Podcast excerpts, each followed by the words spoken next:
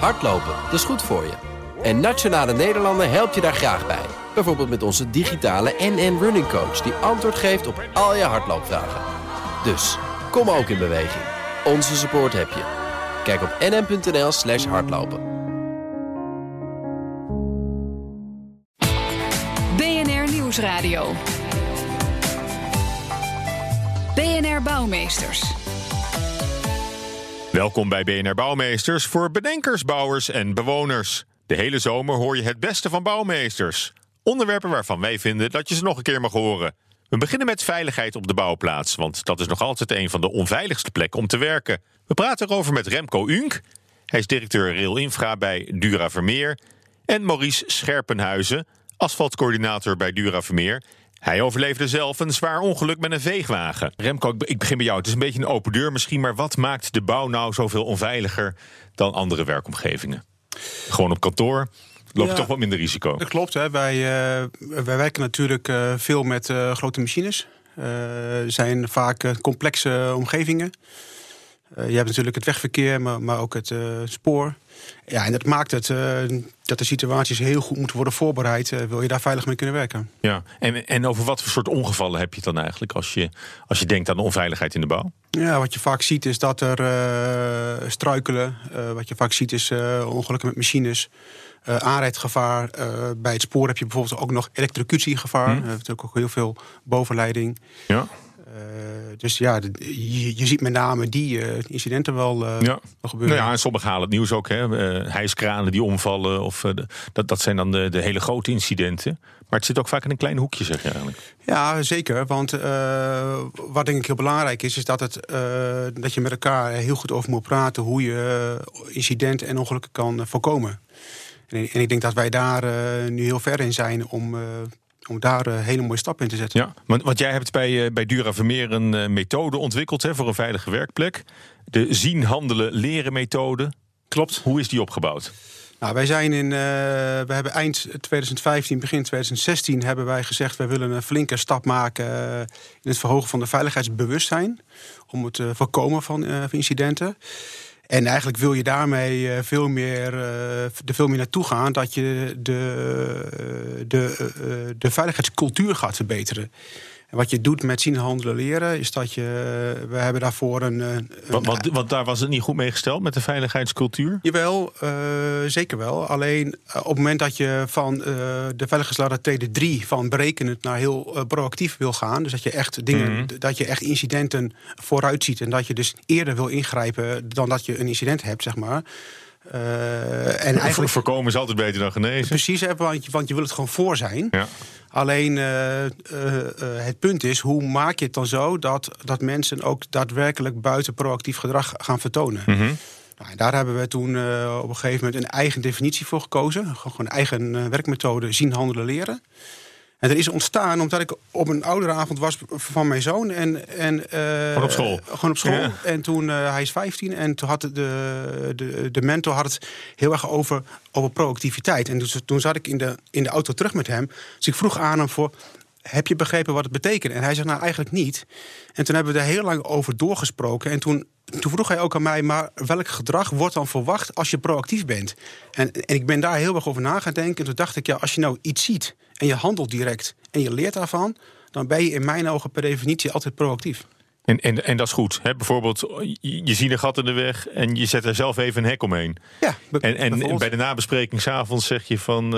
eh oh, één ding nog. Ik, ik zag een gat in de weg. Ik heb even een hek eromheen gezet. Maar Ja, eh, ja. Daar zouden we wat aan moeten doen. Ja, en, het- en het gaat dan over hele kleine dingen die je dan ziet. Maar eh, volgens mij, als jij eh, met elkaar gewoon de afspraak maakt. Als je iets ziet, doe iets gelijk. En, het ga- en dat geldt niet alleen voor op het werk, maar geldt ook in het verkeer, geldt met kinderen, geldt ook over thuis. Ja. Dus ik vind dat het heel belangrijk is dat mensen niet alleen Ja. maar op het werk het doen, maar ook gewoon eh. Thuis, zeg maar. Maar goed, waar het werk betreft hebben jullie ook eh, posters hè, om die methode te, te ondersteunen. Ja. Ik heb er hier eh, drie bij me. Dat, dat zijn incidenten die op de bouw zijn gebeurd. Hè, bijna ongelukken eigenlijk. Ja. Want eh, er zijn geen, bij deze voorbeelden zijn dan geen, geen gewonden of, of laat staan doden gevallen. Wat, wat misschien best had gekund.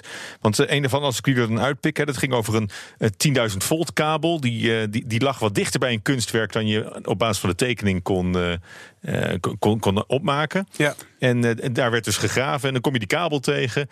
En toen heeft die ploeg daar gezegd: Weet je wat, we, we omkisten hem gewoon hè, voor de veiligheid en, en gaan gewoon verder.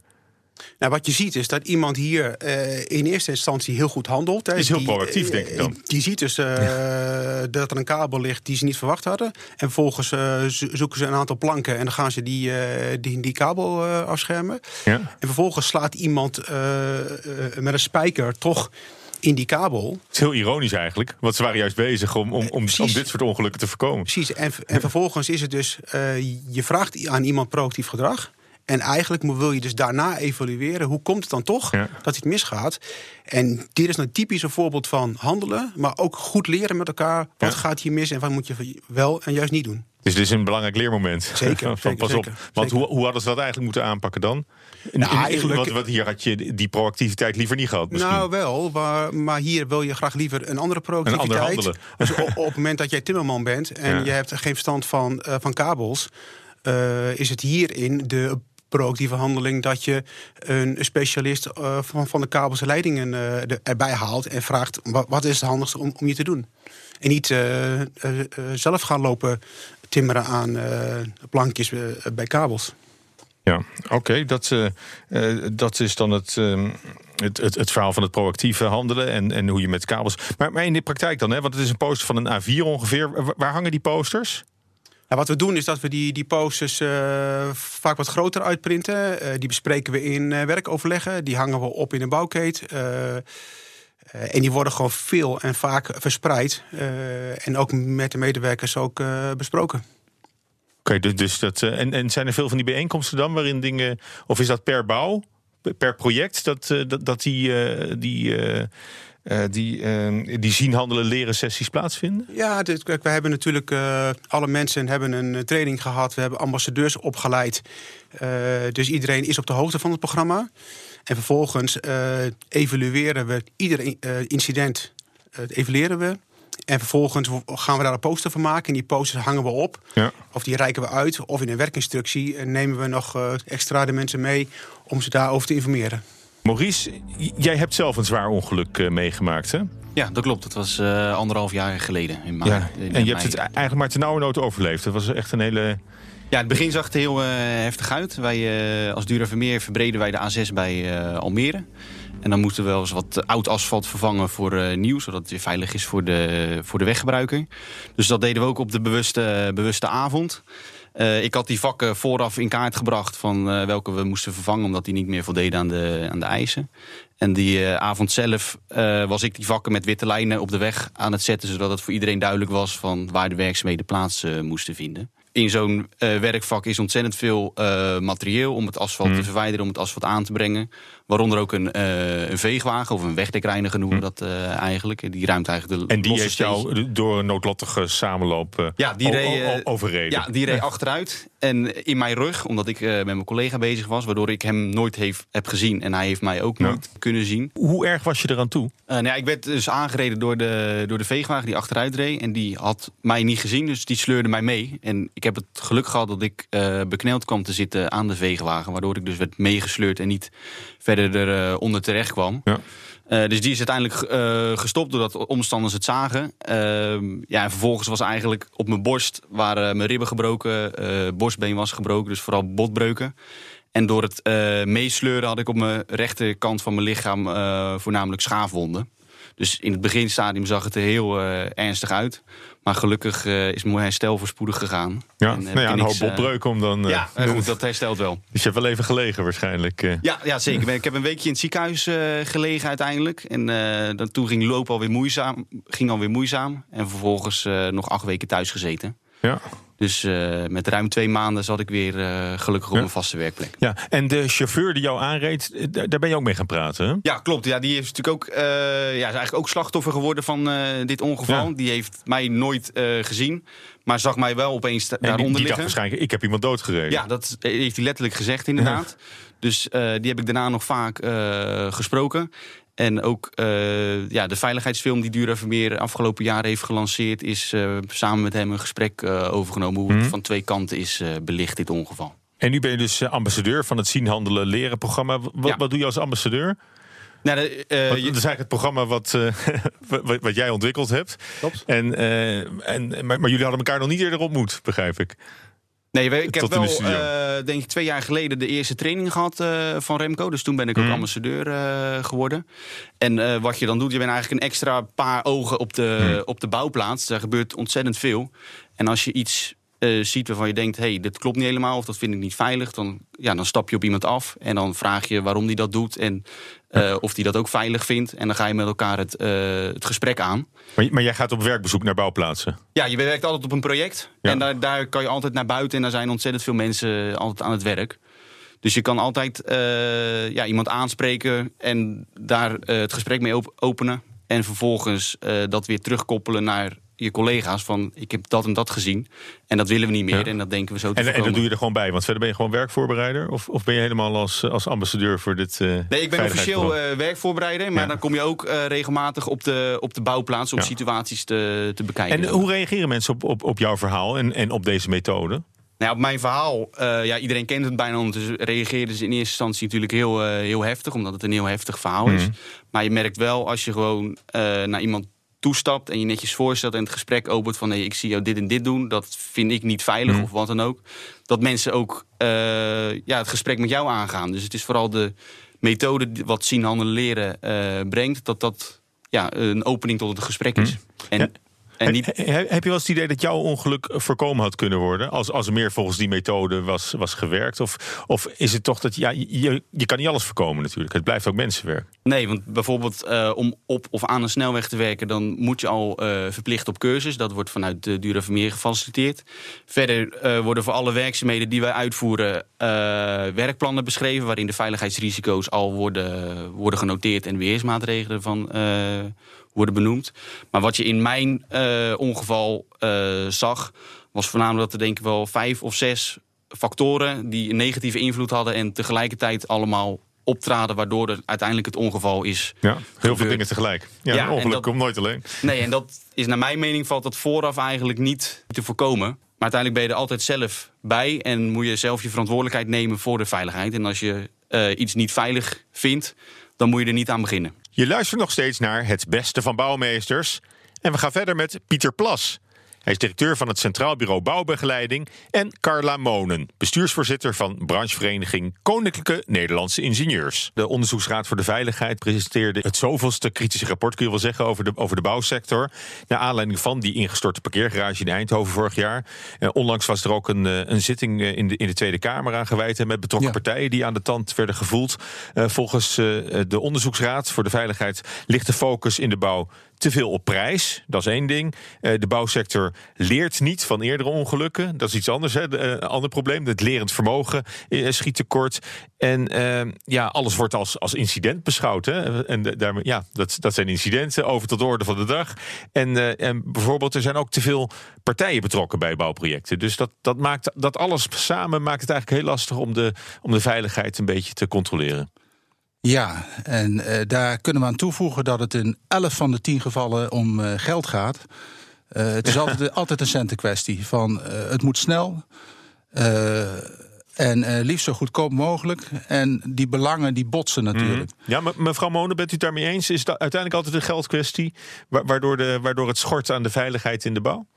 Nou, kijk, het punt is, eigenlijk heb je nu al heel veel mogelijkheden, ook in je aanbesteding. Daar begint het eigenlijk mee. Op het moment dat een project wordt aanbesteed, en in de aanbesteding zijn er nu ook al mogelijkheden, ook in de huidige wetgeving. Mhm. Om niet alleen naar prijs te kijken, maar ook bijvoorbeeld naar zaken als duurzaamheid, naar zaken als veiligheid. Mhm.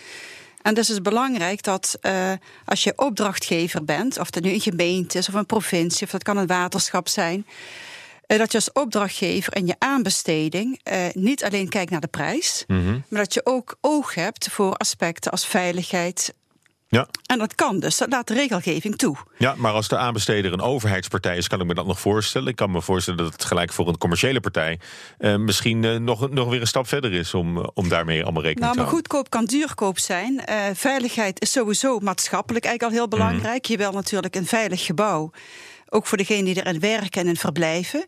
Eh, maar je wil ook veiligheid voor je omgeving. Uh, als er iets met een gebouw gebeurt, wil je ook geen slachtoffers hebben in, in de nabije omgeving. Nee, dat is toch een streepje achter je naam dan? Ja, dus ook een, als je een particuliere opdrachtgever bent, een commerciële opdrachtgever dan heb je er ook alle belang bij uh, dat mm. de veiligheid gewaarborgd is. Ja. Dat is ook de insteek voor ons, ook als uh, ingenieursbedrijven. Ja, want uh, meneer Plas, u was erg kritisch hè, over dat OVV-rapport. Naar Eindhoven. nou, de, de aanbevelingen die zijn heel algemeen. dat wil zeggen, mensen gaan van minder vrijblijvend eens kijken of je het een tandje beter kunt doen. ga eens kijken naar je gedragscodes. Daar hebben we al een gedragscode voor de constructeurs. Ga eens onderzoeken of jullie er mhm. ook een moeten hebben. En we hebben de meest concrete aanbeveling is de hoofdconstructeur. Dus iemand die dat moet gaan coördineren.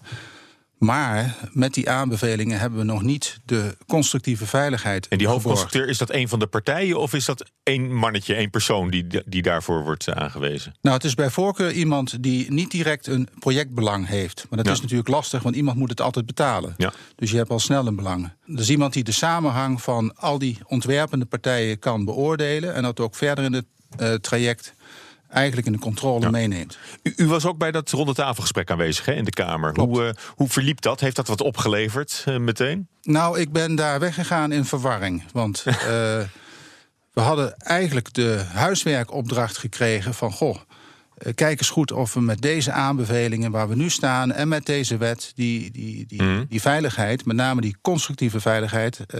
goed in de vingers hebben. Ik had de hoop van dat gaan we bespreken komen tot het standpunt van, uh, nou, hm. het is goed of het is onvoldoende goed. En als het onvoldoende is, wat kunnen we daar dan aan doen? Uh, en dat is eigenlijk niet uitgekomen. Dat is een beetje, een beetje blijven hangen ja. uiteindelijk. Dus dat heeft het rondetafelgesprek niet uh, opgeleverd. Uh, een andere aanwezige bij het rondetafelgesprek was uh, professor Rob Nijssen.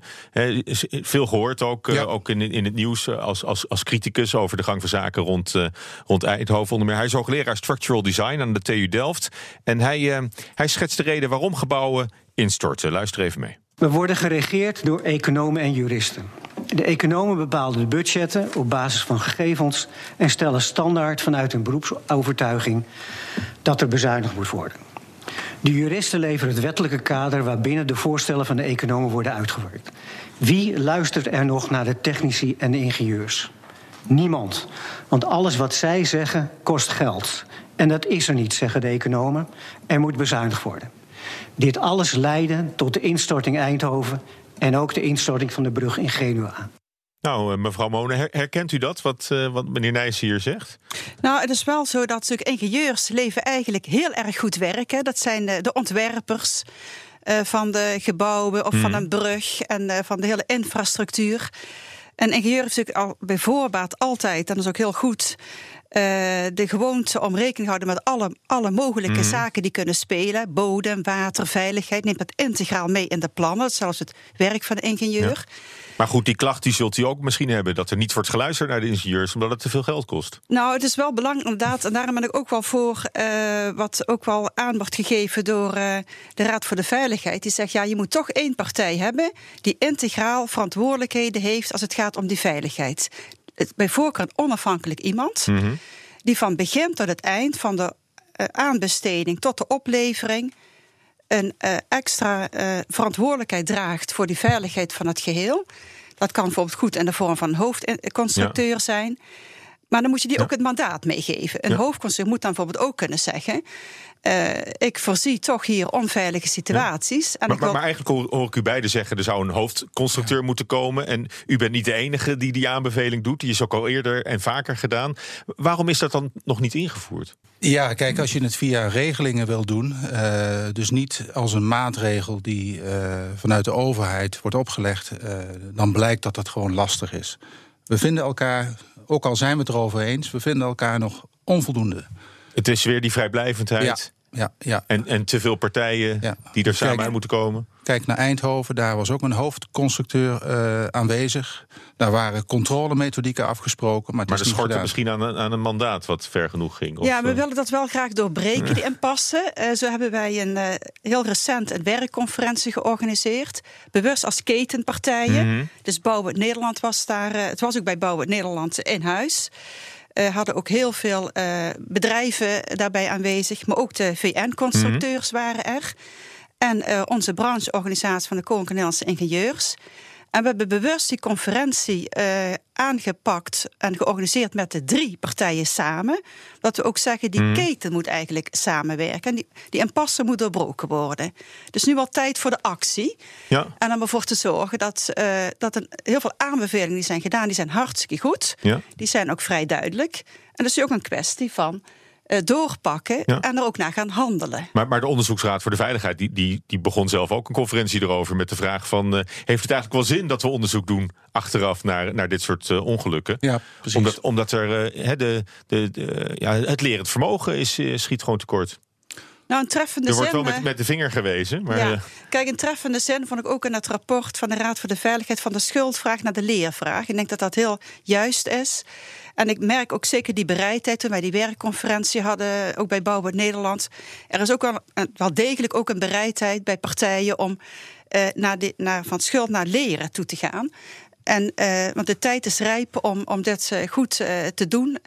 En er is ook alle reden toe, want als je kijkt naar de, onze externe omgeving, eh, toenemende klimaatveranderingen, mm -hmm. wateroverlast, zullen de risico's, juist als het ook gaat de om risico's veiligheid, nemen alleen maar, uh, alleen die maar toe. Die nemen feitelijk toe.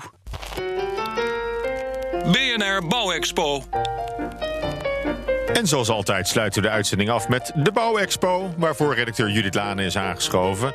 Judith, je hebt een Amsterdamse icoon gevonden, het Scheepvaarthuis in Amsterdam. Ik, ik ken het goed, ik heb er wel eens programma's vandaan gepresenteerd. Ja, ja dat maar, weet ik. Maar uh, vertel eens, wat is, wat is het voor gebouw? Nou, het is het handelskantoor van uh, zes scheepvaartmaatschappijen, dat was het, nu niet meer. Het is gebouwd in twee etappes, tussen 1913 en 1916 en 1926, 1927. Want het is een enorm gebouw, het is heel groot. Mm. En qua architectuur zie je die scheepvaartmaatschappijen dus overal terugkomen. Dan moet je denken aan bedrijfslogo's in glas in lood in de ramen, in de, de kamers bijvoorbeeld. Ze hebben ook glas in lood in de kap van het trappenhuis met allemaal mooie scheepjes erin.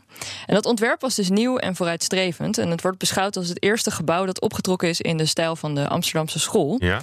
Als je dus buiten staat en je kijkt ernaar, het staat precies op een hoek, is het een soort vlaggenschip dat je eigenlijk tegemoet komt. Als je heel goed kijkt, dan zie je dus ook allemaal details op het gebouw zelf. Dus er is een lode dakrand met scheepstouwen en golven en vissenkopjes. Het zit wel heel hoog, maar dus moet je goed kijken. Ja. Van binnen is het ook heel bijzonder. Want uh, Johan Melchior van der Meij die heeft de ontwerpen gemaakt. Het ziet er super strak uit.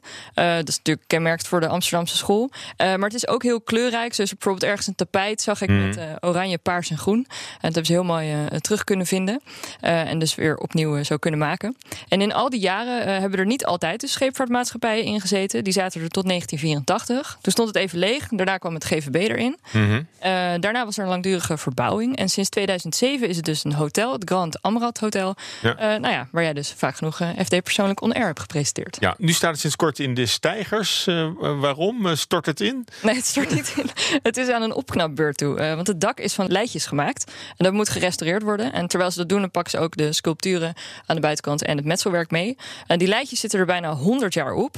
Um, en daarvoor heb ik gebeld om daar meer van te weten met Leonard Roelofsen. Hij begeleidt de restauratie. Want die constructies met de leidjes is speciaal, vertelde hij. Vroeger, tenminste toen ze in het begin in 1914, 15 hebben ze die uh, leien in het verse beton of specie gelegd. Dan werden ze eigenlijk een soort geplakt op het dak. Het was een vrij nieuwe methode. Bouw heeft ook een betonconstructie, een van de eerste in Amsterdam van de firma Vergent. Dat doen we dus nu niet, want we hebben dus nu de zorg dat het monument ook weer 100% waterdicht is. En we leggen dus de leien nu op de oorspronkelijke manier. Gewoon wat gebruikelijk is in Nederland, op latten met haken, zodat ze onder het leien kan ventileren en dat we er goede waterdichte aansluitingen kunnen maken.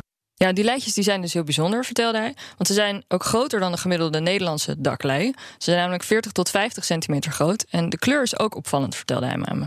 De leien zijn zodanig bijzonder dat ze dus eigenlijk als ze aangebracht worden, zijn ze grijs. En de bedoeling is dat ze na drie, vijf, zeven, het kan ook wel tien jaar duren, weer eigenlijk verkleuren. Als je nu kijkt naar het scheepvaarthuis, hebben alle leien een uh, verschillende kleur. Of tenminste groen, geel, grijsachtig. En wat je dus nu ziet, wat we aanbrengen, is nieuw, is gewoon weer grijs. En in die loop der jaren zal dat verkleuren. Ja, en Paul, wist je trouwens hoe die leidjes naar uh, Nederland zijn gekomen?